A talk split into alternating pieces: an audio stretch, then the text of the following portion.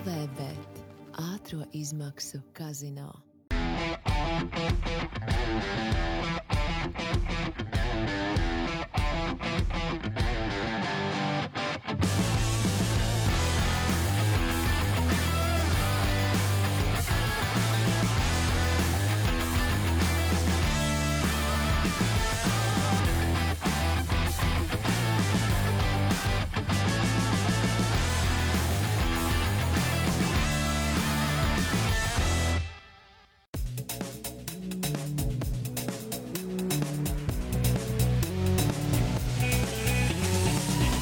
F1 LV podkāsts. Sveiciens eh, Formule 1 līdzjutējiem. Mums ir jauna studija. Cerams, ka būs arī saturs krietni interesantāks un jautrāks. Un katrā ziņā pēdējais posms, kas notika vakar vakarā, mums ir devis visus priekšnoteikumus, lai tā arī būtu. Sveiks, Jāni! Čau visiem, nemāni sev, nevar būt labāks vairs saturs. Mēs, mēs nevaram būt vēl labāki, kā mēs esam, tāpēc nevajag mānīt cilvēkus. Nu, nē, es domāju, ka šoreiz tiešām daudz, daudz tādā biezā slānī vairs nav tikai ūdentiņš zupiņā, bet tur ir gaļa, nu, ritīgi daudz gaļa. Nu, tā kā, tā kā boršā vai tā kā, tā kā gulašā, jā, kur ir septiņas dažādas gaļas. Ja, un, Šitā, jā. jā, kad tev vajag klāt ūdeni. Nu, labi, labi, nu, pieņemsim, jā, ka tev taisnība. Labi. eh, Mēs patiesībā sāksim ar Ferrari. Es tā izdomāju, vienatnē nolēmu. Ferrari? Es nopirku Ferrari. Nē, es nezinu, tu saki. Nu, Ferrari krekliņu formulu. Ah, pareizi, šodien taču pirmdien. un pilspālu. Es biju viņu, viņu muzejā nopirkt pilspālu. Tik daudz var atļauties. Mm, Jā, bet par Ferrari sāksim. Tāpēc Tāpēc ātri pilspēl. tu man ļaus runāt. Jā. Labi, par Ferrari. Kāpēc par Ferrari? Tāpēc, ka pārmaiņas pēc mums nav jākritizē Ferrari. Un patiesībā pēc vakardienas sacīks vēl pašā vakarā, kad, kad mēģināju kaut ko salikt uz šodienu, man, man tās domas par Ferrari vēl cēlās. Jo pāris lietas, ko es tā domāju, ir nojauta tikai sacīks laikā, līdz galam nebija sapratis pēc vakardienas tiem komentāriem, kas bija vakarā gan no Leklēra, gan no uh, Sainza. Nu, Vasūram tur, tur negribās tā baigi ticēt uz vārdu. Man liekas, viņš bieži vien izbrauc uz, uz baigo veiksmu, kā iepriekšējā posmā, bet labi, arī viņam ir jātic šoreiz. Man liekas, ka Ferrari ir baigiem malači. Pārmaiņas pēc ir jāpa, jāpaslavē Ferrari. Un, un tas, ko viņi izdarīja vakardien uh, ar to plānu, ko viņi bija uztaisījuši jau sestdienas vakarā un realizēja kopā ar Karlos Sainzu, ja man būtu cepura. Jā, nu mēs jau nekad nekautrējamies paslavēt kādu, kas ir pelnījis, lai paslavētu. Tā skaitā arī Ferrari. Tas, uh, diemžēl, par nelaimi Ferrari faniem notiek ļoti reti. Nu, šī ir tā retā reize, ka mēs tiešām viņus varam paslavēt. Jo, uh, nu, jā, jā, patiesībā es teiktu, ka Ferrari šajā posmā laikam rādīja tādu vispārliecinošāko, kas vispār super netipiski, man liekas, priekš Ferrari. Bet, Man liekas, gan no strateģiskā viedokļa, gan no ātruma viedokļa, gan no vispārējā, gan no komandas darba kā tāda. Nu, viņi aizvadīja vienkārši, nu, es teiktu, nu, tuvu izcilai sacīkstē. Tā kā nu, tiešām, tiešām maleči un, un nu, tāpēc arī rezultāts. Jā, uh, vispirms par tiem iemesliem, kāpēc Ferrari ir kļuvuši nedaudz žiperīgāki, jo šeit nevar teikt, ka viņi kaut kādu revolūciju ir uztaisījuši. Nu, pēkšņi tagad tiešām ir uh, fantastika.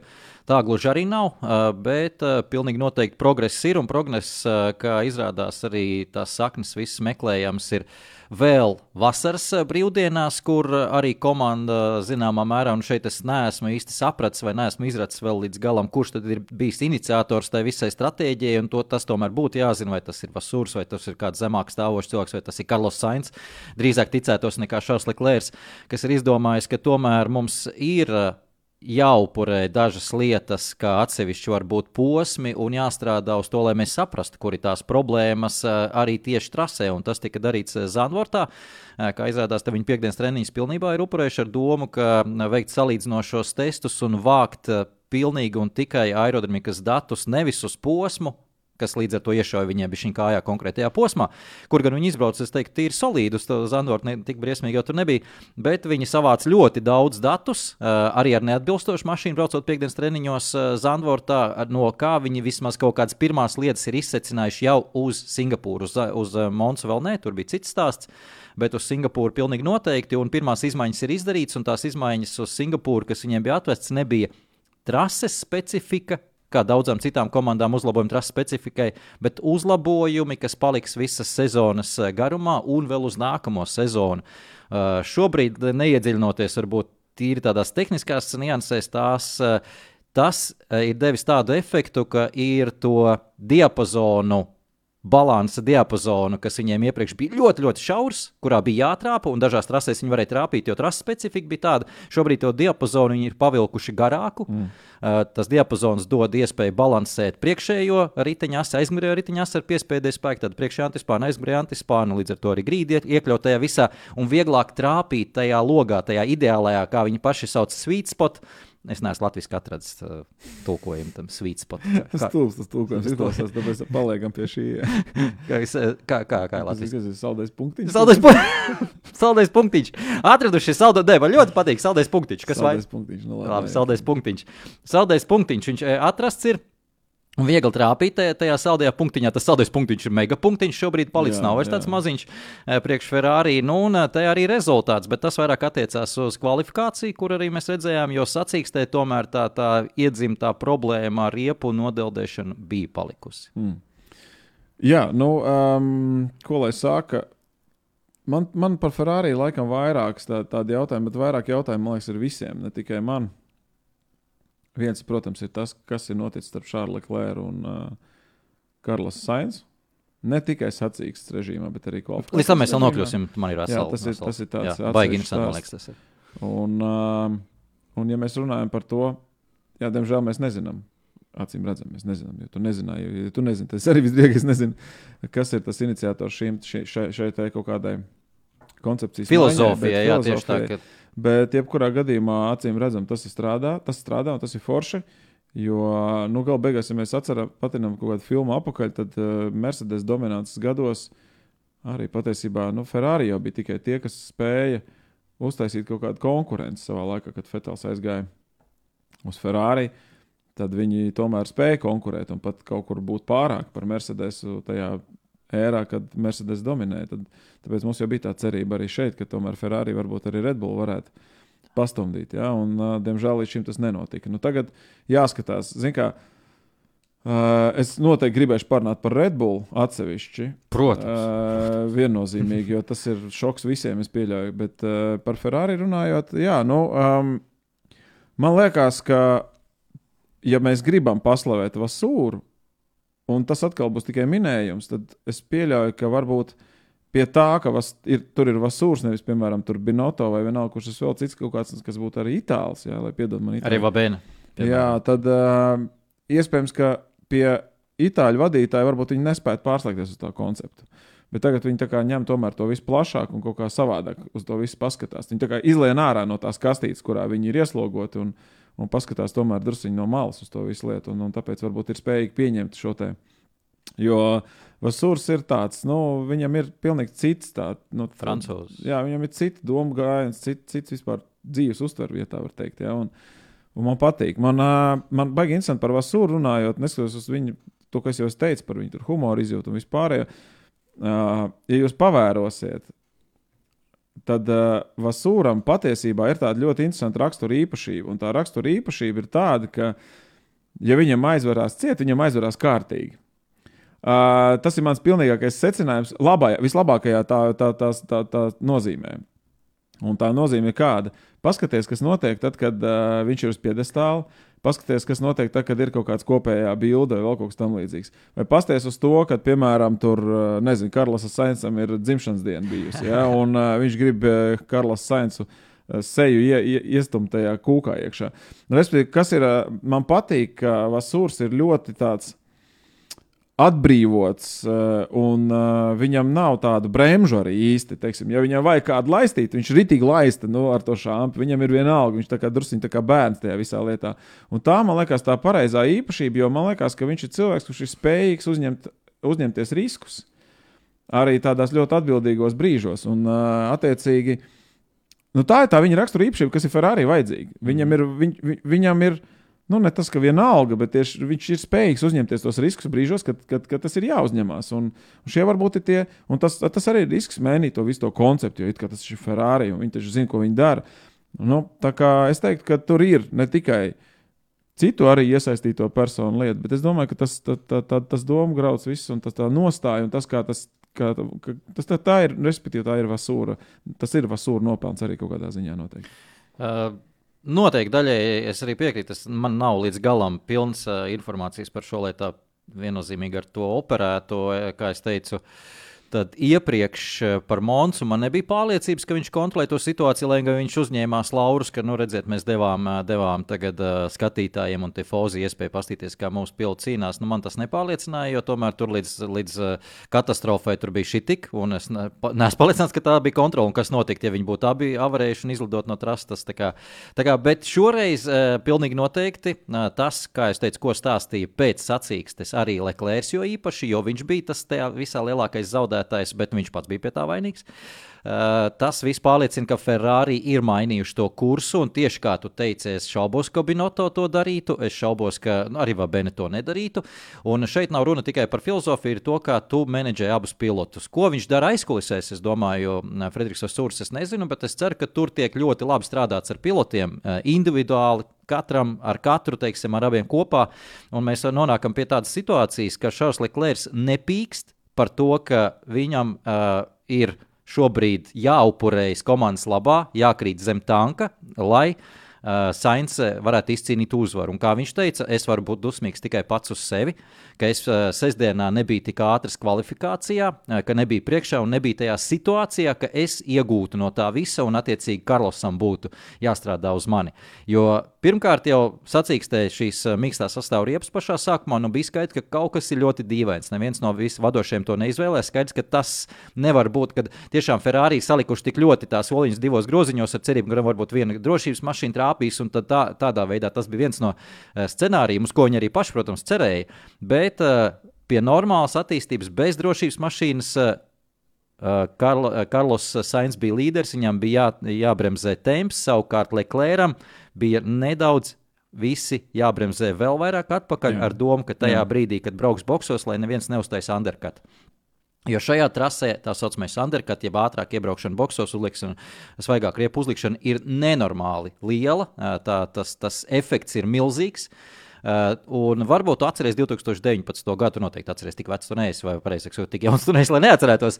19. gads, tas pats Leclerc ar Sebastianu Fetelu. Uh, Leclerc ir vadībā tajās, tajā sacīkstē Singapūrā, bet Fetels ir aizmugurē, bet Fetelam no aizmugures sāk kāpt virsū konkurenti, un viņu pirmo iesauc boxos bija Noto. Un nemanot un nedomājot nemaz tā, bet viņš tas undercut bija tik spēcīgs, ka Fetels nonāca vadībā toreiz. Mm. Un Fetels. O, un pamanīja, ka iespēja, ka var šo sacīkstu uzvarēt, ka komanda tur pīkst kaut ko, bet nu, komanda pīkst nevis uh, dala pavēles un stingri. Jā, jā, jā. Un uh, neņēma vērā tos pīkstienus un uh, aizbrauca. Jā, bet, nu, protams, kas tur tālāk notika, tā, tā, tā ir cita lieta. Bet, Šeit, lai nekas tam līdzīgs nebūtu, tad bija jānosēžās Leclercam, kas arī tika visu laiku komunicēts ar sacīkšu inženieri, un Leclerc savu darbu izdarīja godam. Jā, nu, uh, man patīk tās visas lietas. Man patīk arī patiesībā nu, no strateģiskā viedokļa. Man patīk, ka komanda pasakā, tā, Džeki, nu, varbūt mēs nevaram būt pirmajās divās vietās. Ja esam, tad ir labi. Bet izjākies, ka mēs nevaram. Un, attiecīgi, tas, kurš būs ātrāks kvalifikācijā, tas mums ir galvenais čels. Tas uzliek to spiedienu arī uz pilotiem, sagatavoties. Nu, it kā jau viņiem tāpat netrūks motivācijas, bet jebkurā gadījumā tas uzliek kaut kādu papildus spiedienu. Bet, uh, Bet man liekas, tas ir ok un veselīgi. Mm. Uh, savukārt tas, kas varētu būt, kāpēc Leclerc varēja vai izdevās tā pierunāt, es pieļauju, ka tas ir šīs senās attiecības Vasūram ar Leclerc, vēl zemākās formulās. Un, uh, nu, lai nu kurš kuru ļoti labi pazīst, tad es domāju, ka Vasūrs ar Leclerc ir ļoti labi pazīstami personāži savā starpā. Es pieļauju, ka viņiem ir Gan Vasūrs zina, kā runāt ar Leclerc, gan otrādi, un tāpēc viņiem varbūt ir kaut kā vieglāk to visu sarunāt. Un mēs jau nekad nezinām, kas ir aizkulisēs vēl saistībā ar kaut kādiem jauniem līgumiem un tā tālāk. Un tā joprojām. Tāpēc nu, mēs nekad nevaram zināt. Un, uh, labā ziņa ir tāda, ka kvalifikācija ir tomēr ļoti laba mēraukla. Nu, no viedokļa, ok, tev var nepaveikties kaut kur druskuļā trafiku, vai tajā brīdī, kā tev tur komanda ir izlaidusi ārā trasē, kurā brīdī tev ir izlaidusi un tā tālāk. Bet, ja pa lielam tā, tā, tā tie noteikumi bijuši vienādi, tad tas ir tas brīdis, kad formula ir atgriezta vaļā pilnīgi. kad ir mīkstākā sastāvā riepas, kad viss ir jauns, viss ir foršs un tev ir jābūt ātram. Tad tā ir ļoti laba mēraukla, lai noteiktu, kurš tad būs uz sacīksti galvenais Jā, punkts, uz kuru Un tas ir godīgi.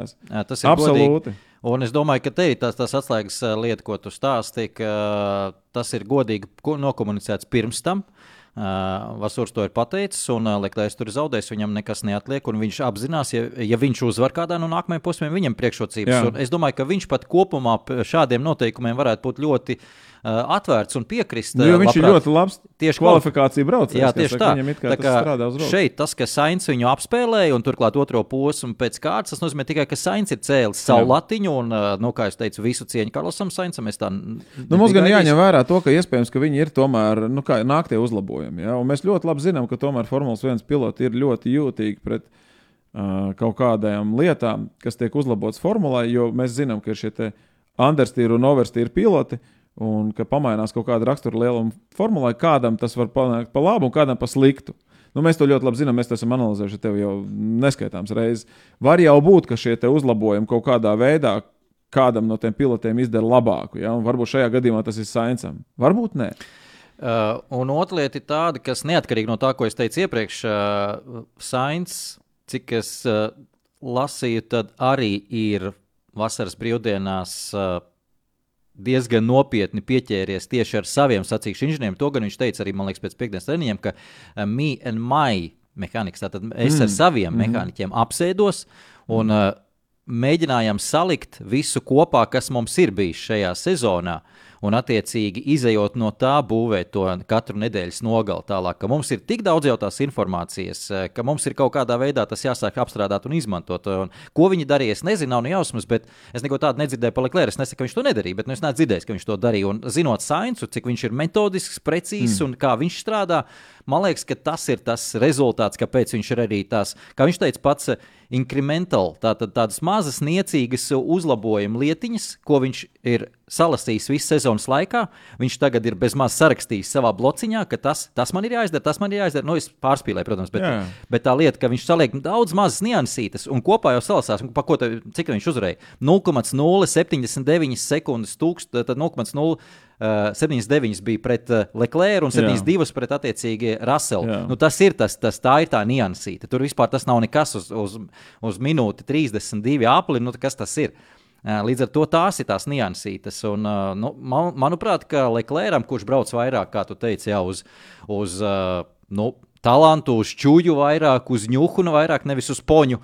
Uh, nu, būs tagad jāsaspringts. Diezgan interesanti tas būs. Jā, bet uh, es teiktu, ne, ne, nevajag novērtēt Leclerc pa zemu. Protams, Nē, mēs zinām viņa talantu, jā. un uh, mēs zinām, cik ātrs viņš var būt. Es domāju, ka nu, jāskatās, patiesībā Suzuka ir tāda trase, kas, eh, manuprāt, parāda pilota vislabākās īpašības, jo Suzuka ir ļoti sarežģīta tehniska trase. Protams, mēs ļoti labi zinām, ka Formulā 1 tehnika nosaka ļoti daudz ko, bet uh, komandas biedru starpā var būt visādi. Lai arī jāsaka viena lieta, ka um, tomēr ir tā atšķirība, ir tāda, kā tas pilots to savu formulu sasetapo, res, respektīvi, kā viņš saregulē šo formulu. Jo mēs labi zinām, ka Monsā, un mēs to par Monsu jau runājām, ka beigās Leclerc paņēma saimnes regulējums. Ja?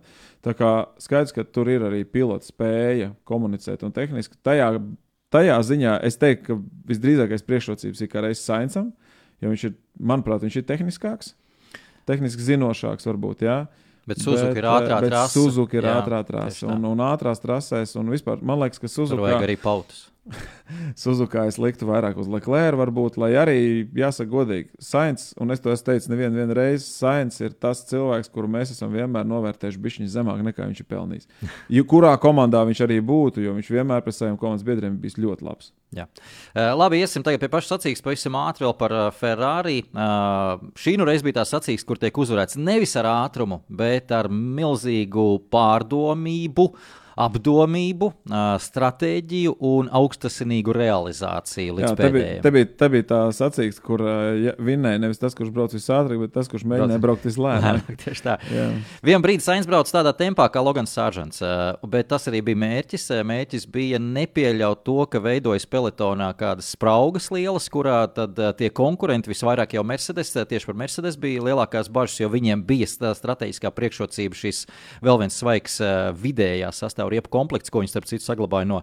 Uh, Sešdienas rīta, jo tas bija ļoti unikāls. Tas bija pārsteigums, ka sestdienas rīta treniņā viņi pēkšņi izgāja ar mīkstā sastāvā riepām, kad vispārējie taupītās mīkstās kvalifikāciju. Viņi izgāja ar mīksto, un kamēr pārējie tikai nu, pašā beigās uzlika mīksto, lai notestētu uz kvalifikāciju, viņi brauca ar diviem mīkstajiem un vienu tikai video, kamēr pārējie tās vidējās bija no, nodeldējuši. Nu, tajā brīdī konkurenti vai nu nepamanīja to, vai es domāju, ka pamanīja tomēr, un nepievērstam varbūt uzmanību. Mm. Domāju, ka nu, tomēr tas viens boks apmeklējums ir ideālais, bet Mercedes visu laiku tā kā nedaudz koķetēja uz to, ka varētu būt tie divi, vismaz viņu gadījumā, ja viņiem bija priekšrocības, ja būtu tā šķirba aizmugurē, tā šķirba neparādījās, un mēs būtu nolemti patiesībā ļoti garlaicīgam finišam tādā Jā. pašā vilcieniņā, ja nebūtu Okona virtuālā drošības mašīna, kas Jā. pēkšņi pavēra to iespēju. Mercedes pieķērās pie tās, un es eh, simtprocentīgi atbalstu, ka viņi gāja šo risku, viņi upurēja to brīdi otro vietu, bet viņi gāja uz agresīvu sacīkstu pašā beigās. Pirmkārt, mums bija abnormāli jautri. Un es domāju, ka viņiem arī pat, ja iemainīja otro vietu pret trešo, nu, viņu gadījumā visa pasaule skatījās uz viņiem, juta viņiem līdzi, lai tur būtu Jā. kaut kas interesants un un kaut kas sanāktu. Jā, Malečs, Mercedes. Es teiktu, ka nu, ko viņiem bija zaudēt arī kaut vai. Te, jebkurā gadījumā, man liekas, tā bija forša, tāda varbūt druskuļi pārdroša, bet ļoti interesanta stratēģija, kas mums, protams, nesa, kā jau tu teici, ļoti interesanti skatāmo eh, gabalu. Jā. Es uzlieku, tev to jārunā vēl. Man vēl jārunā, jā, jā, čau visiem.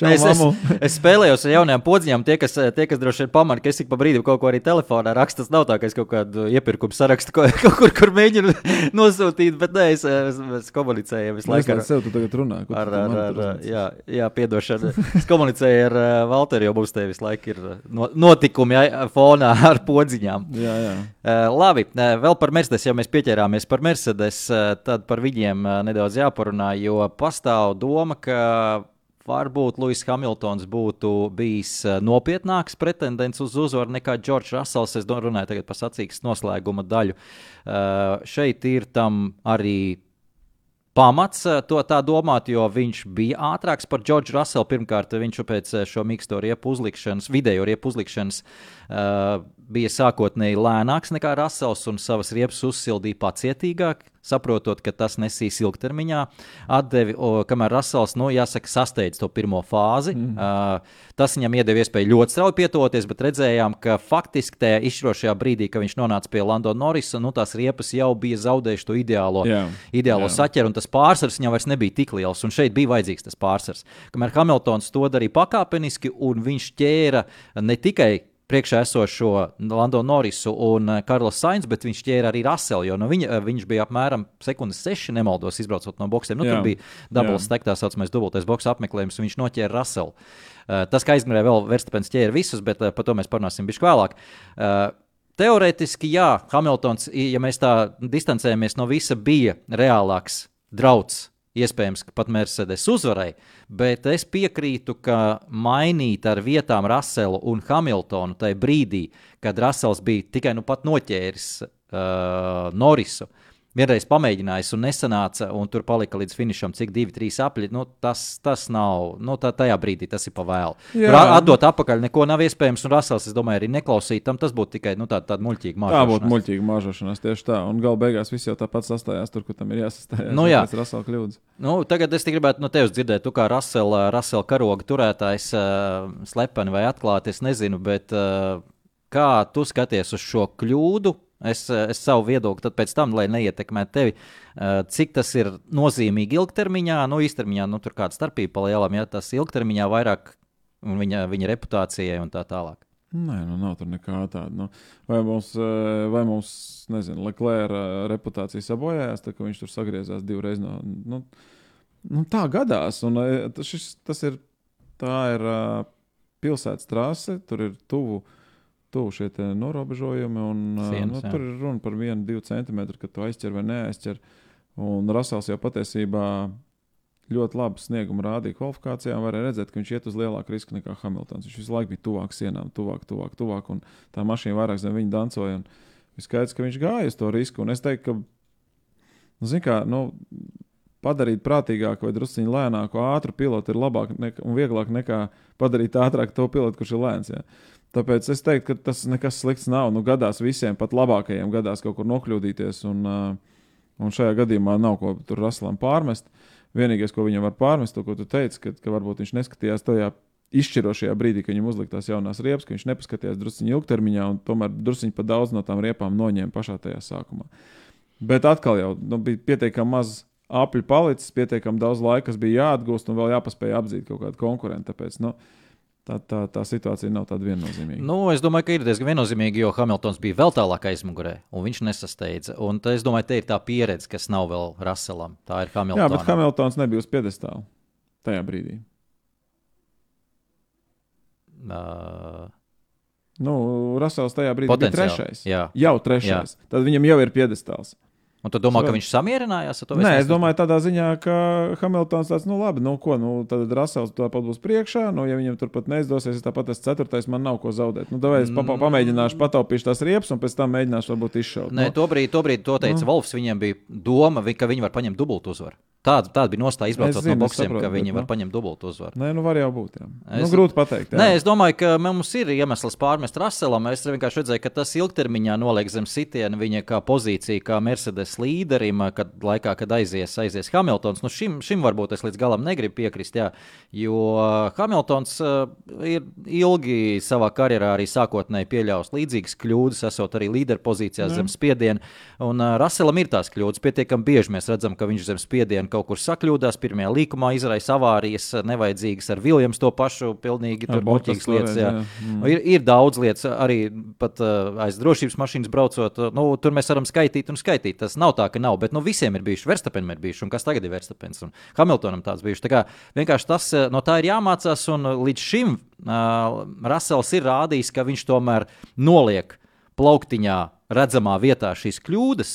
Un uh, no tā mācās. Mm. Kamēr viņš to dara, šajā stadijā es domāju, ka mēs nevaram viņam neko pārmest. Šajā situācijā jā, viņš zaudēja to, to pozīciju, un, uh, starp citu, Lando Norris aizķēra to pašu sienu tieši viņam priekšā. Arī izbrauca ļoti plaši. Viņš aizķēra tikai nu, vēl divi centimetri tālāk, bija Raselam, ar to pietika, lai tur, tur viss būtu lupatās un pat taisno aizbraukt. Tā kā Viņš noteikti pārdzīvoja, noteikti negulēja, bet uh, tu redzēji, ka Lūsis Hamiltons godu piedestālā bija ne savā ādā. Nu, pareizāk sakot, viņš pilnīgi noteikti nebija tik tādā sajūsmā kā tie divi čomi. Tie bija vienkārši jā, nu, aizgājis tusiņam. Kā ar Lando. Karlando. Un uh, šajā ziņā es domāju, ka Hamiltons vismaz vēlāk, uh, tas gan nebija oficiāli intervijā, tas bija kādā no citiem, es tagad neatceros, varbūt Vioplē tas varētu būt mm, intervijā, kur viņš teica, un man liekas, tas bija tas iemesls, ka es uh, skatos atpakaļ uz kvalifikāciju un tur vainoju to lietu. Nu, nebija tieši tādi vārdi, bet apmēram tādi vārdi, ka viņam uh, bija skaidrs, ka šajā nedēļas nogalē varēja paņemt to uzvaru ņemot vērā, kāda viņam bija strateģiskās priekšrocības, kāds bija mašīnas ātrums, un viņš visu sačakarēja jau sestdienas kvalifikācijā, kur viņš bija ne, nepār, nepārprotami lēnāks par Raselu. Un, uh, Tas aug vēl atpakaļ, protams, uz treniņiem tā tālāk. Līdz ar to tas, kā viņš būvēja savu nedēļu, nav, nav tā, ka viena kļūda tur kvalifikācijā bija. Tas, kā viņš būvēja no paša sākuma. Tā kā viņš saprot savu kļūdu, un, un nu, tas, tas viņu ēda. Tas viņu ēda. Pilnīgi noteikti viņš nebija baigi apmierināts. Jā, un gala beigās mēs nevaram arī par Raselu neko sliktu pateikt, jo gala beigās nu, viņa komandas biedrs ir Lūsis Hamiltons. Un viņiem kvalifikācijā ir līdzsvars. Ja tagad pat ir Marks Rasels, pat ir priekšā. Rasels 8,7 man ir pierakstīts. Jā. Man ir vesela Un, draugi, mīļie, nu, tas ir Hamiltons. Jā. Nu, tad pa- par ko tas stresot? Jā? Jo, eh, jo Raselam bija kaut kāds pagrimums ne, eh, šīs sezonas vidusdaļā īpaši, bet tagad pēdējie divi, trīs posmi pēc vasaras brīvdienām pilnīgi noteikti ir restarts eh, Raselam, un, un, un mēs varam teikt, ka viņš jau tā kā ir vairāk priekšā Hamiltonam, tagad Hamiltonam jādomā, eh, ka ir atgriezties. Jā. Tāpēc Ā. tur nav par ko uztraukties vispār. Nu tad iesim pie milzīgas, plašas tēmas, kas saucās Red Bull. Uh, jā, un uh, runājot par Red Bull, es gribētu, lai tu pastāstītu cilvēkiem, um, kas ar Red Bull notika. Kas sasodīts notika ar Red Bull? Man tik daudz par to ir, Jā, tas uh, nu, ne, nebija labi. Es netālušu, ka baigi te visu zinu, jo es pieļauju, ka viņi paši līdz galam visu nezina, bet nu, tās galvenās lietas ir skaidrs, kas notika ar Latviju. Niansēs viņi kasīs galvu vēl visu nedēļas nogali, un, nu, ja kāds paliks stiprāks pēc tam, tad būs, tie būs Redbull. Uh, jāsaka, ar to ir, ka tas nebija pārsteigums. Mm -hmm. pilnīgi noteikti pašai komandai tas nebija pārsteigums. Tas, tas gan vēl viens akmentiņš viņa dārziņā, jo ja viņi zināja, ka būs tik slikti, viņi nebija tam gatavi to novērst. Man liekas, ka viņi zināja, ka būs slikti, bet ne, ka, ka ne tik slikti. Uh, ne, viņi zināja, ka būs slikti, bet to tik slikti jau viņi uztaisīja uz vietas. Mm, okay. Viņiem bija slikti, tas izējas punkts bija skaidrs, ka būs slikti, un tad viņi reaģēja uz to, ka ir slikti un sataisīja vēl sliktāk. Mm. Tā, tā tā doma. Okay, okay. Tā kā, tur, tur var viņiem paši, viņi noteikti paši to analizēs, bet jā, tātad komandas pirms. Uh, pirms, tas nav pirms sezonas, tas ir patiesībā sezonas pašā sākumā, kad tev ir pirmie parametri par konkrētajām šasijām, ienāk tādā pilnvērtīgā apjomā biezā slānī. Tas viss tiek salikts simulatorā, un viss pārējā sezona tiek notestēta simulatorā. Un jau kopš sezonas sākuma Verstapēns ik pa brīdi iečīkstējās, ka nu, vēl ir trases priekšā, kur mēs paklupsim Singapūru, un, tā, tā, un ik pa brīdim tā Singapūra uzpeldēja. Tā kā viņi zināja, pilnīgi noteikti, ka te būs bēdīgi. Simulators to rādīja, ka būs bēdīgi. Tomēr, ierodoties uz Singapūru, viņi pieņēma pāris nepareizs lēmumus. Un otra lieta bija tas, kas bija tāds objektīvais iemesls, ir tas, ka Singapūrā bija nomainīts segums, bet ne visā trases garumā. Atsevišķās vietās, ņemot vērā, ka mums ir izmaiņas trases konfigurācijā, dažās vietās bija nomainīts trases segums, un jaunais segums bija abnormāli laba saķere. Ļoti mm. laba saķere bija jaunajā segumā, kas atkal ir pilnīgi savādāks asfalts. Savukārt vecajā joprojām bija saglabājušās bedres, kas bija lielākā problēma. Tās pat nav bedres, bet tādi pamatīgi nelīdzenumi. Jā. Red Bull tagad būs tehniska lieta, tā kā tiem, kam nepatīk aiziet uztaisīt kafiju. Red Bull pēc noklusējuma ir spējīga ar aizmugurējo ļoti, ļoti mīksto balstiekārtu pat priekš open wheel. Nu, open wheel nav mīksts. Nu, tas nav tā kā rallycross, jā, kā, nu, tas, tas jāsaprot, bet nu, priekš tiem standartiem viņa ir eh, ļoti, ļoti mīksta balstiekārta un ļoti liels gājiens tai balstiekārtai. Kas dod arī to, tas, tas lielais spēks, kas ir Red Bull. Kad ir tas lielais gājiens un viņa mīksts balstiekārta, kas atbalsta ļoti plašā diapazonā šo piespiedēju spēku balansu starp priekšējo un aizmugurējo daļu, ka mašīna var staigāt. Un, uh, tur tā lieta, ka staigāt nevis tikai šādi, kur priekšgalā teiksim, daudz maz ir konstants un aizmugurē maz drusciņš staigā, bet arī ir vēl tāds saucamais rolls. Tātad līkumos, līkuma ieejā tev mainās ne tikai ātrums, tātad ātrumi, dažādi ātrumi, un līdz ar to mainās piespiedu spēks, bet tev mainās no vienas sānu, no vienas stūra uz no, nu jā, otru. Protams, jā. un tajā brīdī, ja tev, teiksim, ir vajadzīgs konstants augstums šajā vietā, un ja tev mašīna šādi sasverās, nu tev vairs tur nav konstants augstums šajā mm. vietā. Viņu balstiekārta atbalsta to, ka viņi arī līkumos spēj noturēt konstantu augstumu mašīnas aizmugurējā daļā, mm. pat pie diezgan agresīva rola. Uh, Tas viss ir labi līdz tam brīdim, kad tā balstiekārta nav par mīkstu, kā šajā gadījumā bija, jo mašīna sāk nedaudz, nedaudz staigāt, un tur ir tā bedra, kas ir priekšā, kā, kā nu, Singapūrā. Mm. Uz tās bedres uzsēžās vēderiņš.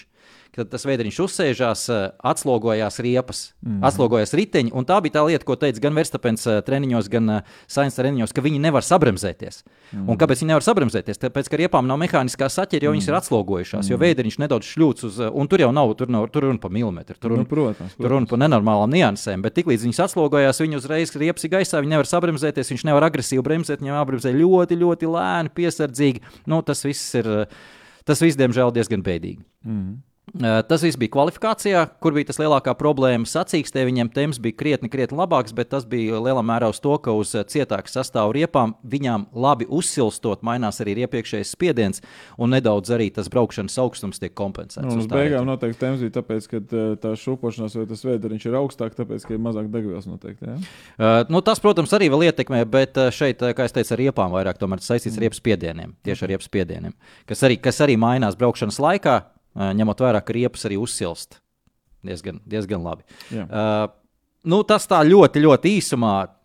Te bija krietni garāk, bet uh, es domāju, ka tā lielā, lielā lieta, kas ir jāsacina, ka šie ir unikāli uh, apstākļi, un uh, Suzuka es pieļauju, ka Maks Verstapens visu apdzīs pāri. Es pārspīlēju, bet uh, būs tuvu tam, jo Suzukas trase ir vienkārši fantastiska. Jā, tieši tā. Suzukas trase ir fantastiski ātra. Tur būs visas uh, Red Bull pozitīvās lietas nāks ārā. Ja tā tas nenotiks, un ja joprojām konkurenti būs klāt, es bū, vienkārši būšu stāvā sajūsmā. Protams, Klausies, bet, bet McLaren varētu būt veiksmīgs, veiksmīgs posms. Suzukā? Jā. Uh, nu, McLaren šobrīd Viņi ir viss- spēcīgi ātrijos līkumos. Jā, McLaren šo, nu, un pat ne tikai ātrēs, kā tu redzēji, arī šeit Tagad jau, jā, tagad, tagad uzlabojam, jā, strādā, jā. Tā kā jaunā uzlabojuma deviņas nomainīts uh, detaļas Lando Norris formulē, pilnībā tā kā tas uzlabojuma komplekss ir noslēgts beidzot ar, ar, ar, ar Singapūru. Nu, Piastri dabūja tikai dažas, ja nemaldos, četras beigās nav tur saražos līdz galam, bet uh, cerība, ka uz Suzuki būs, bet nu, tā arī nezinu. Mm. Uh, tā kā jā, McLaren būs, būs labi, uh, bet paturpinot par Red Bull situāciju, tad uh, Red Bull, kā, kā, kā mēs redzējām, patiesībā. Uh, visi priecājās, nu, labi, ne visi. Skaidrs, ka mums ir Red Bull līdzstēji un tā tālāk, bet daudz priecājās, ka Red Bull nav tajā, tajā vadošajā grupā. Bet patiesībā būtu vēl interesantāk bijis, ja viņi tur būtu, jo viņi nebija ātrāki par pārējiem. Uh, tas, ka arī Verstapens atspēlēja brīvā trasē, līdzīgi uh, mēs varējām ļoti labi salīdzināt šajā pēdējā nogriezienī, kur bija Hamiltons un Rasels, atceries, brauca, un arī pirms tam bija nomainījis uh, riepas uh, Verstapens. Viņam bija nedaudz vecāks riepas, viņi bija iekļuvuši tur, tur abi ar Pēres kaut kur aizmugurē. Sūta apstīšos, kurās pozīcijās viņi bija tur 15, 17, bet viņi arī dabūja brīvu trasi un to tempu varēja diezgan labi salīdzināt. Un uh, tajā tempā viņi bija apmēram 0,3 sekundes uh, aiz Mercedes. Viņi bija 0,3 mm. sekundes lēnāk, bet joprojām ļoti, ļoti ātri. Jo tas bija tas moments, kad visi pēkšņi pamodās. Pirms tam bija braukuši lēnā vilcieniņā, un visi pamodās un, un mauca. Mm. Tajā brīdī uzreiz bija atstarpes, uzreiz bija kur iespēja, kur parādīt to ātrumu. Uh, bet tās 0,3 sekundes joprojām bija lēnāki par Mercedes. Nu, labi, Mercedes bija svaigāks riepas, bija viņa tur nokompensējās tas. Tā kā tīri teorijā, tajā sacīkšu ātrumā viņi bija vadošajā grupā, bet ne ātrāki. Viņi nebija ātrāki par pārējiem. Un tas nozīmē, ka, ja viņi būtu tur priekšā, mums būtu vienkār, vienkārši vēl spēlētāji Jā. tajā cīņā. Tā kā Jā. būtu vēl interesantāk patiesībā. Pirmais sešnieks varbūt būtu, kas cīnītos par Tieši tā. piedestālu. Jā, es tam piekrītu. Ja viņi ir, uh, man nav nekāda pretenzija pret to, ka Red Bulls ir kaut kur tur priekšējā ešalonā. Man pr- pretenzijas ir tad, ka viņi aizbrauc pāri visiem garām. Bet, bet uh, jā, jā. Katrā ziņā papriecājieties un pietiek. uh, bet, uh, labi, atgriezīsimies. Ir vēl daži ļoti, ļoti interesanti punkti par šo te sacīkstu un daži interesanti piloti, par kuriem es gribētu parunāt. Nu, tad, tad piem, piemet, piemet. Nu, es gribēju to beigās pašās, jo tas nav tur tik aktuāli, baigi, bet es par Lielu Lawsonu gribēju parunāt. Jo, manuprāt, uh, nu, manuprāt, tur ir kaut kāds baigi labais materiāls tajā čalī iekšā. Jo labi, mēs, es, es, nu, mēs ļoti labi zinām, ka iepriekšējais posms tas tomēr salīdzinoši tāds vienkāršāks ir no pilota viedokļa un tā tālāk. Bet, bet manuprāt, ka, nu, ja Singapūrā var tā pabraukt, jā, nu, jāņem, protams, vēl viena lieta vērā. Alfa Taurī bija uzlabojumi, Jā. un tie uzlabojumi strādāja. Jā. To varēja redzēt, uh, viss ir kārtībā. Bet, jebkurā gadījumā, pie visiem tiem nosacījumiem, pirmo reizi būdams tajā trasē, viņš saprot, ka junior formulās nebija braukuši eh, Nē. šo trasi. Nē, nu, viņš ir bijis tajā iebrauc- trasē ļoti daudz Nu. uh, bērnībā. Jā, Jā. Tētis viņu veda uz katru taču- Formuli 1 posmu. tētis solīja viņu. es Nē, nē, veda, veda, jā, Ā, bet nu, tad pēc, pēc tam, kad aizgāja uz Eiropu, tad jau vairs ne, bet, bet veda. Jā. Nu, jā, un kā- attiecīgi un parādīt šo sniegumu, iebraukt punktos bez kļūdām, nu, faktiski tādām nopietnām. Tad es teiktu, ka tas ir ļoti, nu, viņš ir labs materiāls. Viņš ir labs materiāls, es teiktu, un tāds, nu, varbūt pat piestrī līmeņa materiāls, kas ir, nu, nu es, es, es tā gribētu teikt. Es eh, piekrītu, ka labs materiāls. Es piekrītu, ka Nu, nepieļauj viņam katrā ziņā noteikti, noteikti ir vieta Formulas 1 pilota sastāvā. Jā, nu, šis ir baigs tiepjams iedziens, un droši vien, ka tāds simts vēl mums ir, ka, kam ir vieta. Jā. Nu, bet mēs esam redzējuši tādus, kas nevar. Nu, Nē, nē, jā, Sāžants jā. nevar. Nu, Nē, nu. Sāžanta vietā Lausans būtu krietni labāks variants. Nu, bet Sargentam arī tā, tā līdz tam Open Wheel, wheel nu, tomēr karjera na- nav bijusi tik spoža. Nē. Uh, bet uh, nē, es pilnīgi piekrītu, ka Lausons izdarīja uh, visu, kas ir jāizdara, bet es nepiekrītu, ka viņš izdarīja kaut ko pārdabisku. Jo viņš bija lēnāks par Cunodu, arī kvalifikācijā viņš bija pārliecinoši lēnāks. Tas, kas Cunodu nesalika kopā apli, daļēji Cunodas vaina, daļēji Verstapena vaina.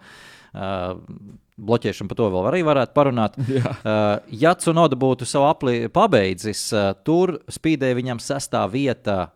Trešajā, nu, principā, kā, kā, ņemot vērā viņa sektors atsevišķi, ja mēs paņemam viņa sektors, Jā. jo nevienu sektoru, viņš nepabeidza nevienu apli ar visiem trim sektoriem. Jā. Bet, ja mēs saliekam sektorus kopā, viņam bija sestā vieta. Uh, labi, tas bija ideālais variants, jebkurā gadījumā, bet viņš būtu izstūmis no desmitnieka un no trešās kvalifikācijas tieši Lawsons, jo Lawsons bija pēdējais.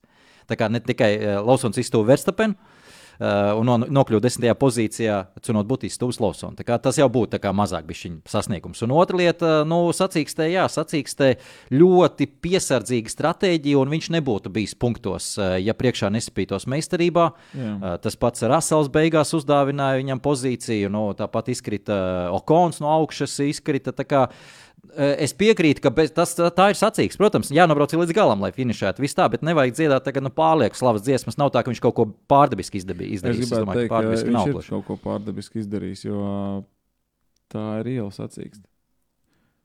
Pie liela karstuma, pie, nu, tur redzēja, Rasels nokļūdījās. Pie niecīga tempa. Sienu. Nu, kāda, kāpēc, sac... kāpēc niecīga tempa? Nu... Nu, diezgan uh, divas trešdaļas sacīks brauca, brauca niecīgā tempā. Tas tieši salīdzinoši. Nu, ne jau viņš viens. Nē, ne viņš viens. 12 sekundes lēnāk nekā kvalifikācijā viena apli brauc. Mm, mm. 12 sekundes lēnāk. Okay, jā. tas tā, nu, labi, tā nav vizināšanās. Es piekrītu, protams, bet no, no fiziskā viedokļa viņiem visiem jābūt tajā līmenī. Jo kurš to teica, ka viņi principā savu treniņu programmu gatavo Singapūru. Mm. Tas ir smagākais punkts, lai viņi trenējās uz Singapūru. Ja viņi ir Singapūrā, var izturēt, viņi visu tur izturēs. Okay. Nē, es, es, es vēlreiz saku, malacis, viss, viss kārtībā, bet uh, tas nav nekas, nekas milzīgs pārdabisks. Uh, tur vēl ir kaut kādiem pierādījumiem jābūt. Bet tas, ka viņš jau šobrīd ir pārspļāvis uh, Nikde Vrīsu viennozīmīgi, tas, ka viņš ir pārspļāvis arī to pašu Loganu Sāržantu, kurš visu sezonu, kā, nu, gribās teikt, mokās. Uh, nu, par Danielu Rikārdo nav, nav šobrīd tāda. tāda tik daudz piemēru, lai mēs varētu objektīvi salīdzināt, vai gribētos redzēt atpakaļ. Tagad būs ļoti interesanti redzēt, ja atnāks apakaļ Daniels Rikārdo, ko viņš parādīs. Tas, tas būs interesanti. Tur, tur mēs vērtēsim. Bet jā, Lausons Malats, un šobrīd es teiktu, ka viņš ir līdz ar to ielicis šajā cīņā par vietu nākamajā gadā Formulā 1. Vai tas ir Alfa Tauri vai Viljams, kā šobrīd tiek runāts, ka Alfa Tauri vai Red Bull, pareizāk sakot, varētu iznomāt uz diviem gadiem viņu uz Viljams komandu. Šajā ziņā es, protams, Domāju, ka Viljams, nu, cik ļoti liela ieguvēja no tā būs, eh, tikai tādā ziņā, ka viņi tiek izskatās pie diezgan solīda pilota un labāka pilota kā Sāržants, kurš nesīs punktus, bet viņiem nav nekādas tiesības uz viņu nākotnē. Tā kā viņi no īstermiņā var viņu, no viņa kaut kādas eh, dividendes iegūt, bet, bet eh, ja viņš būs labs, viņu paņems atpakaļ. Jā. Red Bulls. Ja viņš nebūs jā. labs, nu tad nebūs labs. Nu, tad nu, jā. Uh, jā, tā, tik tālu par uh, Lausonu. Ko vēl tu gribi parunāt? Ko vēl es gribu parunāt? Um, es nezinu, man tagad tā baigi izmet mani uz, uz ielas. Izmet uz ielas. Es negatavojos, jā, baigi. Tad tur lapiņa ir. Nu, Nē, man ir lapiņa, jā. Lapiņā, jā, laižam pēc tās. Labi. Uh, nedaudz noteikti ir jāpiemina arī šie sodu lieta ar uh, Maksu Verstapenu, jo par to ļoti cepās cilvēki. es domāju, gan. Un uh, daļai es viņiem piekrītu. Tātad trīs dažādi incidenti, pavisam ātri iziesim cauri tam trīs dažādi incidenti kvalifikācijā, un ne par vienu netiek reāls sots piešķirts. Uh, nu, tātad uh, beigās ir brīdinājums un naudas sots komandai. Pirmais bija par stāvēšanu boxe celiņa izējā, 14 sekundes. Par to acīm redzot, arī nav. Nepienākās uh, nekāds sots tur varētu pakratīt nedaudz ar pirkstu, jo īsti neviens eh, cietējs arī no tā tajā brīdī Jā. nebija. Uh, tad bija incidents ar Loganu Sāržantu, un uh, Logans Sāržants arī pats bija izsaukts uz šo, šo apspriedumu. Pats Logans Sāržants teica, ka ne, nekas tur nebija, un uh, tiesneši uz to pamatojoties arī lēma, ka tur nekas nav uh, jāveic. Un pēdējais bija Cunoda. Nu, tas, manuprāt, ņemot vērā, ko mēs esam redzējuši iepriekšējā sezonas laikā, tur, tur, tur ir jābūt sodam. Jā. Uh, Interesanti, ka nebija aizstāvības puse. Kāpēc? Tad, interesanti. Skaidrs, kāpēc nebija. uh, nē, tas nav skaidrs, jo viņi nebija saņēmuši ziņu ka viņiem ir jāiedodas. Nevis tāpēc, ka Redbull pateica, jūs nekur neiesiet un neiesiet. No, viņi nebija saņēmuši ziņu no. no bet tur ne, FIA mēs nevaram pārmest, tur ir tiesneši. Šeit ir vispār ļoti um, sarežģīta lieta, jāņem vērā, ka tur FIA ir jānodala no trases tiesnešiem. Tās divas dažādas mm. lietas. Uh, trases tiesneši pielieto FIA visu nomenklatūru un noteikumus un viņus kā, realizē dzīvē, teiksim tā, ka tie, kas ir stjorti, tā, tā saucamie, tā kā te, te FIA nevar pārmest tādas lietas. Bet, jebkurā gadījumā, es domāju, ka ir iespēja pārmest pārmest arī FIA, un šoreiz viņam jāpārmet joprojām tā pati lieta, nekas jau nav mainījies, ka ir nekonsekvence, jo atceramies to pašu Monako. Mm -hmm. uh, kur līdzīga situācija bija ar Leclerc, un kur viņš nobloķēja, man liekas, no nu, Londonas viņš nobloķēja, man liekas, tunelī. Un saņēma trīs starta pozīciju sodu, un nebija komanda viņam neko ziņojusi. Šoreiz uh, tiesneši teica tā, komanda neko neziņoja pilotam, un komandai jāuzņemas tā lielākā vaina. Jūs, jūs līdz ar to maksājat 5000 eiro, uh, bet uh, pilots šajā gadījumā nesaņēma informāciju, un tā tad šoreiz mēs viņu gal, par galveno vaininieku nevaram uzskatīt, un tur soda nav. Uh, tas var radīt nenormāli ne, nepatīkamu precedentu, manuprāt manuprāt, jo nu, tikpat labi komanda izdomā, reku ir 5000 eiro. Jā. Un skaties, tur džeks nāk aizmugurē, kas mums varētu patraucēt. Mēs un mēs, mēs paklusēsim, mēs neko neteiksim. Un uh, jā, samaksājam, lūk. Nu, jā, kas ir 5000 eiro? Nu, es, pie, es pieļauju, ka varbūt tā nedarīs komandas, bet nu, tas, tas tā vienmēr liks runāt. Ja vajadzēs un palīdzēs, darīs. Uh, darīs jebko. Jā, un pats galvenais jau, ka bija, ir precedenti bijuši, ka tiek sodīti. Un, tā, kā es sāku stāstīt, tā lielākā problēma ir, ka mums ir dažādi tiesneši. Tajā Monako posmā bija četri tiesneši, pilnīgi citi. Uh, tur bija, es atceros, uh, Donelīs bija kā pilotu pārstāvis. Tos pārējos četrus es nemāku visus nosaukt uzvārdus. Tie ir, tie ir piekomandēti tiek no FIA. Un viens, viens attiecīgi no trases pārstāvis ir starp tiem četriem. Šeit bija pilnīgi četri. Te bija Vita Antonio Ljuci, uh, mm -hmm. kā pilots, pilotu pārstāvis. Un, uh, Un līdz ar to ir nedaudz cits, varbūt, skatījums uz to. Un man nebūtu nekas pretī, tas skatījums ir tāds, bet viņam ir jābūt vienādam visas sezonas garumā. Jābūt, jā, jā. Un kāpēc mēs nevaram uztaisīt to četru tiesnešu kolēģiju, kas brauc pa trasu? Varbūt viens nomainās, lai ir tas lokālais, nu, tā kā vietējais viens, jā, nu, varbūt, ja vajag specifiku kaut kādu, viņš, bet tie trīs, kas pilots ir un tie galvenie, nu, labi, varbūt divi, nu, tā, lai, lai ir, var atpūsties vai kā, nu, es nezinu. Bet, ja mums tā, ka viss četrnieks nomainās, nu, Un, Tad būs izmaiņas, ja kurā gadījumā lēmumos. Jā. Un, un mēs uzreiz sametamies virsū uh, Verstapenam. Uh, jā, kā, bet, nu, pa lielam, uh, nu, FIA jau šeit ir vainīga, ne jau, ne jau Verstapens vai Red Bull šajā nu gadījumā. No, tā kā tas, tas nedaudz nepatīkami, tāda tā pēcgarša atstāja. Man, man tas nepatika. Jā. jā, man arī. Un, tu, un arī bija arī internets šūmējās par to, un es lasīju, skatījos, nu, jā, citiem dod Un arī tā ir tāda sāpīga tēma, jo Redbulls jau tā dominē. Un, ja vēl viņiem tā kā tos sodus zināmā mērā, ja neiedziļinās tajās mazajās niansēs, un cilvēks parastais, parasti nekad neiedziļinās niansēs, tad liekas, tā jau viss slikti. Nu, respektīvi, tas nedara neko labu formulē kopumā arī nekādā gadījumā. Jā. Yeah. Uh, McLaren, McLaren, uh, kā mēs runājam, bija uzlabojumi šo posmu kārtēji atbraukuši. Uh, Lando Norris uh, beigās tas temps, ko viņš varēja uzturēt, uh, bija pārsteidzoši pat pašai komandai. Komanda bija pārliecināta pēc tam, ka nomainīja uh, boksos Mercedes pilotu uz vidējā sastāvā riepām. Tādēļ Zeks Brauns bija pārliecināts, ka nu, nespīd godīgi piedestāls. Varbūt Sainz noturēsies, bet nu, mūsu abi, abi Mercedes noķers un apdzīs. Uh, tas bija pārsteigums, un, protams, tālāk nāca Sainza viltīgais gājiens ar eh, DRS. Tas nav nekas unikāls, jo es Tā, kaut ko tādu pilnīgi noteikti esmu redzējis jā, kaut kur iepriekš, jā. tā, tādas manevras, un tas nav tā, ka Sainz kaut ko darīs. Jā, kaut, kaut kas ir bijis tieši tā. Es tagad nevarēju sidien atcerēties tos piemērus. Man liekas, ka kaut kas bija Rosberga un Hamiltona laikā arī tajās cīņās, ka viņi tur savā starpā viņi kādu trešo izmantoja arī šādā pašā veidā. Uh, bet uh, tas, ka Sainz to arī realizēja tik precīzi, jo tas moments, ka uzbruka vienīgais uzbrukums, ka bija no Džordža Russela, Lando Norrisam, atcerieties, pašās beigās trīs aplis pirms beigām, kas tā arī līdz galam nesanāca. Un šeit uh, es redzēju arī nedaudz kritiku Raselam, ka tur bija jābūt nedaudz killer instinktam, vairāk slepkavas instinktam, ka viņš bija līdz pusē aizbraucis un tur bija jāspiež. Tā kā Antoni Noris viņš tik ļoti daudz viņa vietas atstāja. Mm. Varbūt tur bija Anderstiers, varbūt es tā neesmu līdz galam to pētījis, man nebija laika. Yeah. Bet uh, varbūt arī ne. Uh, taču tajā momentā uzreiz Sainz pamanīja, ka Lando ir atkritis viņš nometa tempu un nākamajā aplī uzreiz iedeva viņam atkal DRS. Jo viņš bija, pil... es domāju, ka tur bija pilnīgi skaidrs, ka ja Rasels tiks garām Landonam Norisam, uh, Sainsam nebūs izreizes noturēties, jo viņš nekur nesaņems DRS.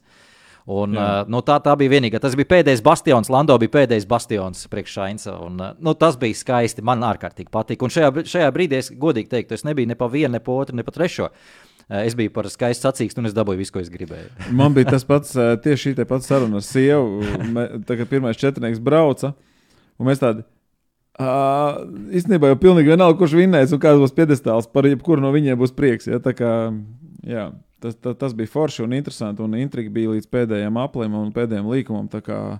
Šī tiešām bija ļoti, ļoti interesanta sacīksta. Uh, jā, nu mēs laikam nevaram uh, neparunāt tomēr arī ilgtermiņā par šo Karla Sainz un uh, Šarla Klēra situāciju, jo tai lietai darbie draugi, vajadzētu pasakot līdzi Mm. atlikušajā sezonas daļā, jo šobrīd Leclerc, Leclercam ir uzskatāms piemērs, kā viss strādā.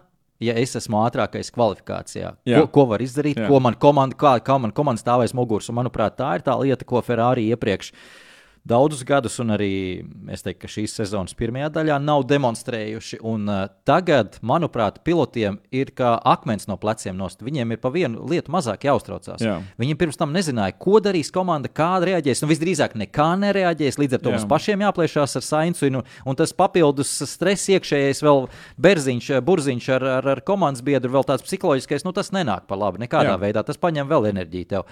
Tagad ir pilnīgi skaidrs. Man ir jābūt ātrākam par viņu kvalifikācijā. Jā. Tajā brīdī man ir priekšroka, tie skaidri spēles noteikumi. Jā, skaidrs spēles noteikumi tieši tā. Tā kā bija savulaik uh, McLaren. Ar stingru roku pateica Rons Denis, Hakenens un Kulkārts. Atceros, tas, kas nu, tur bija cits noteikums, tas, kas pirmajā līkumā iebrauca kā Jā. līderis, Jā. viss.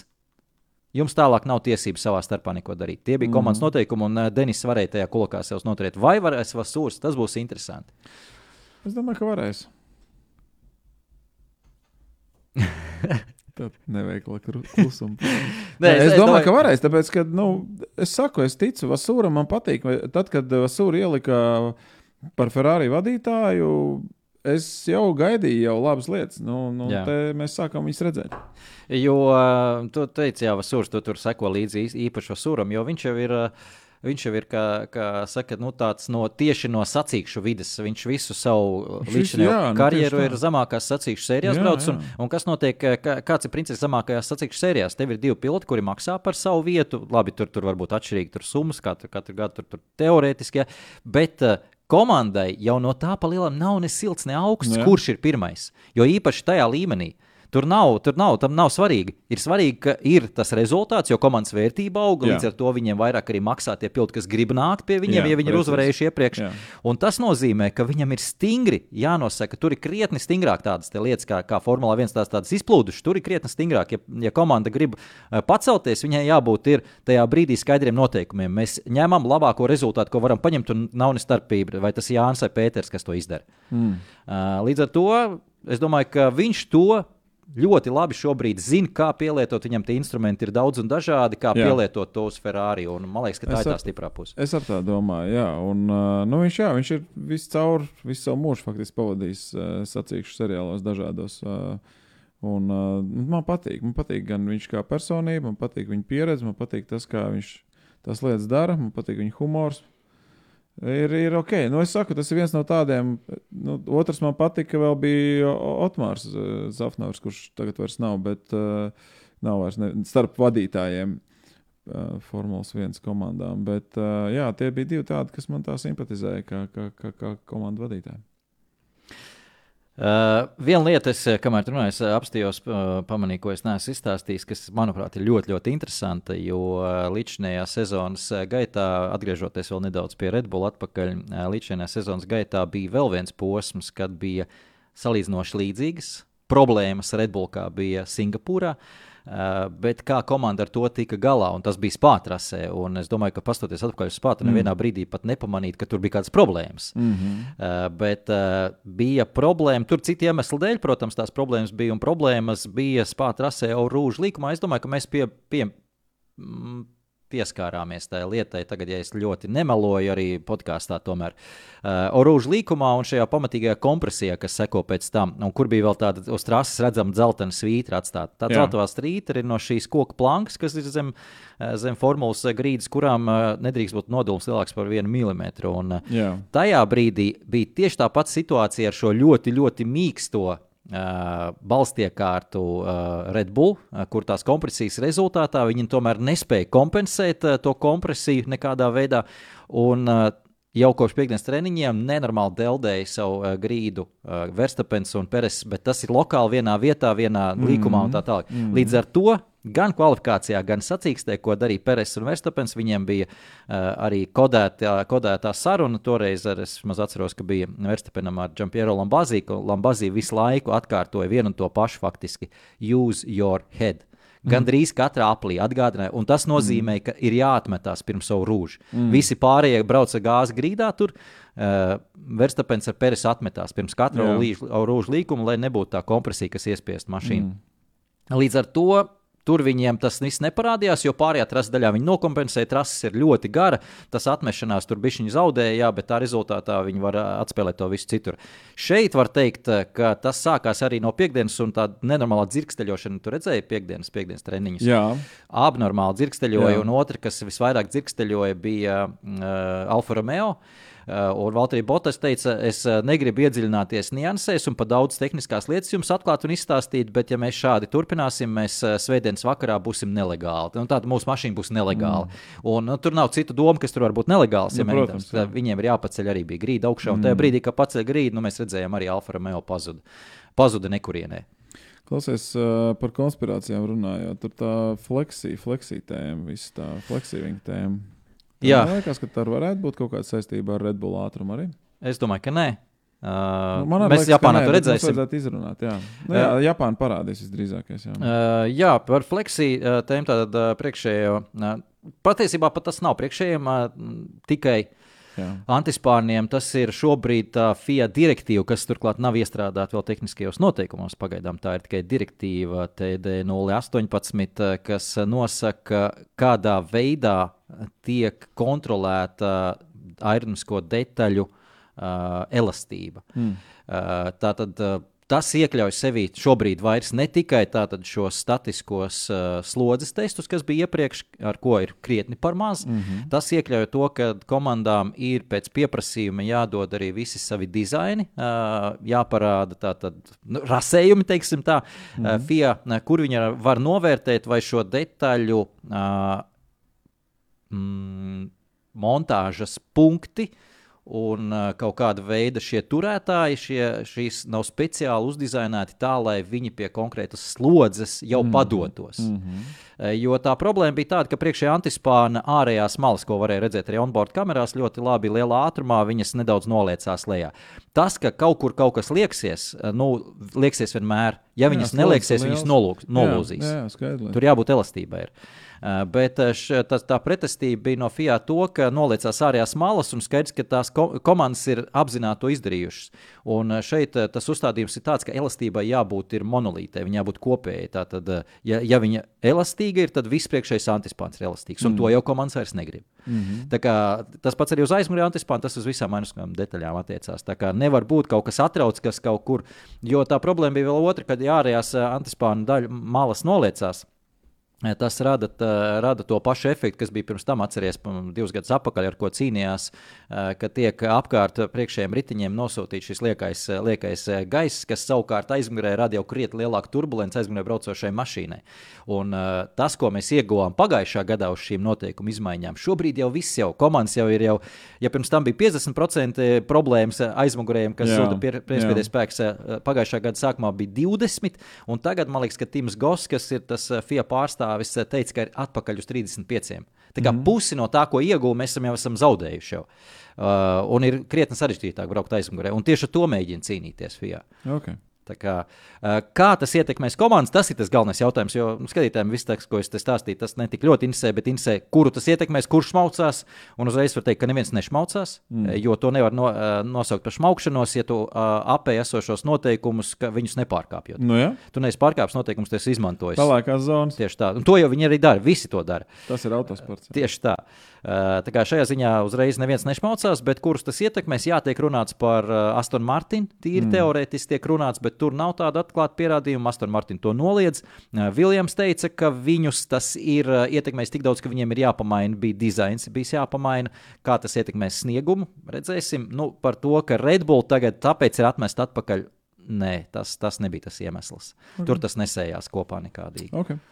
Bet uh, Suzuka, es domāju, būs apstiprinājums. Jā, no Suzuki es domāju, saliks atkal visu apakaļ tur, kur tam jābūt. Es gan tiešām kaut kā ticu, ka Maklārens varētu būt pietiekami spēcīgs. Suzuka, nu paskatīsimies. Jā, mēs eh, ļoti ceram uz uh, McLaren.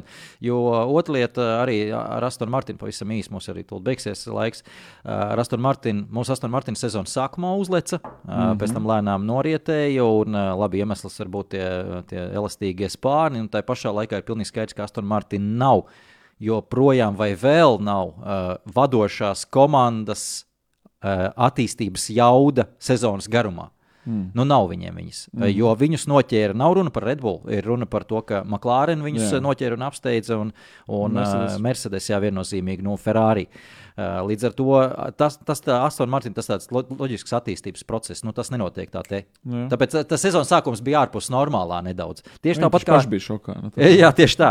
Tāpat ārpus normālā arī McLaren šis straujais, un viņi arī būs kaut kur brūs tas, tas tie griezti, jo pilnīgi skaidrs, ka viņi arī šasī nevar izmainīt. Tieši tāpat kā Mercedes. Bet Tas interesantākais ir, vai viņi spēs šīs visas eh, iegūtās zināšanas loģiski salikt uz nākamo gadu jā, un izmantot jā, nākamajā gadā, jā, precīzi. nezaudējot uh, Red Bull.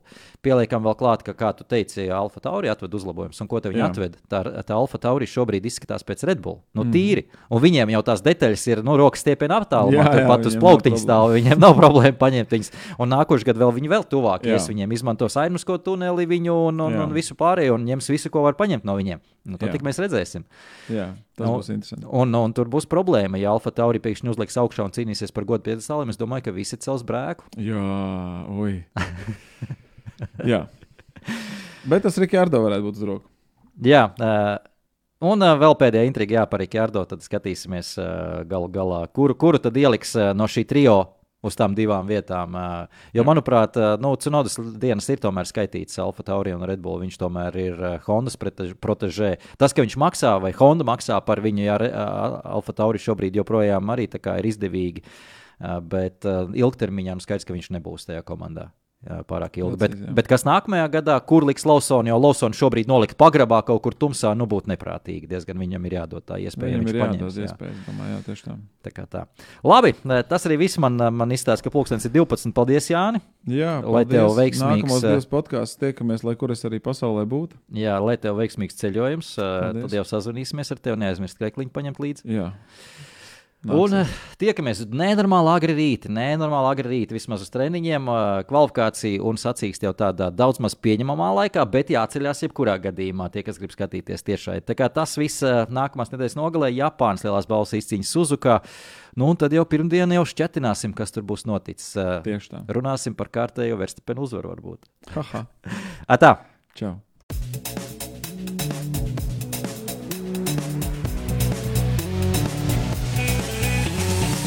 F1 LV podkāsts.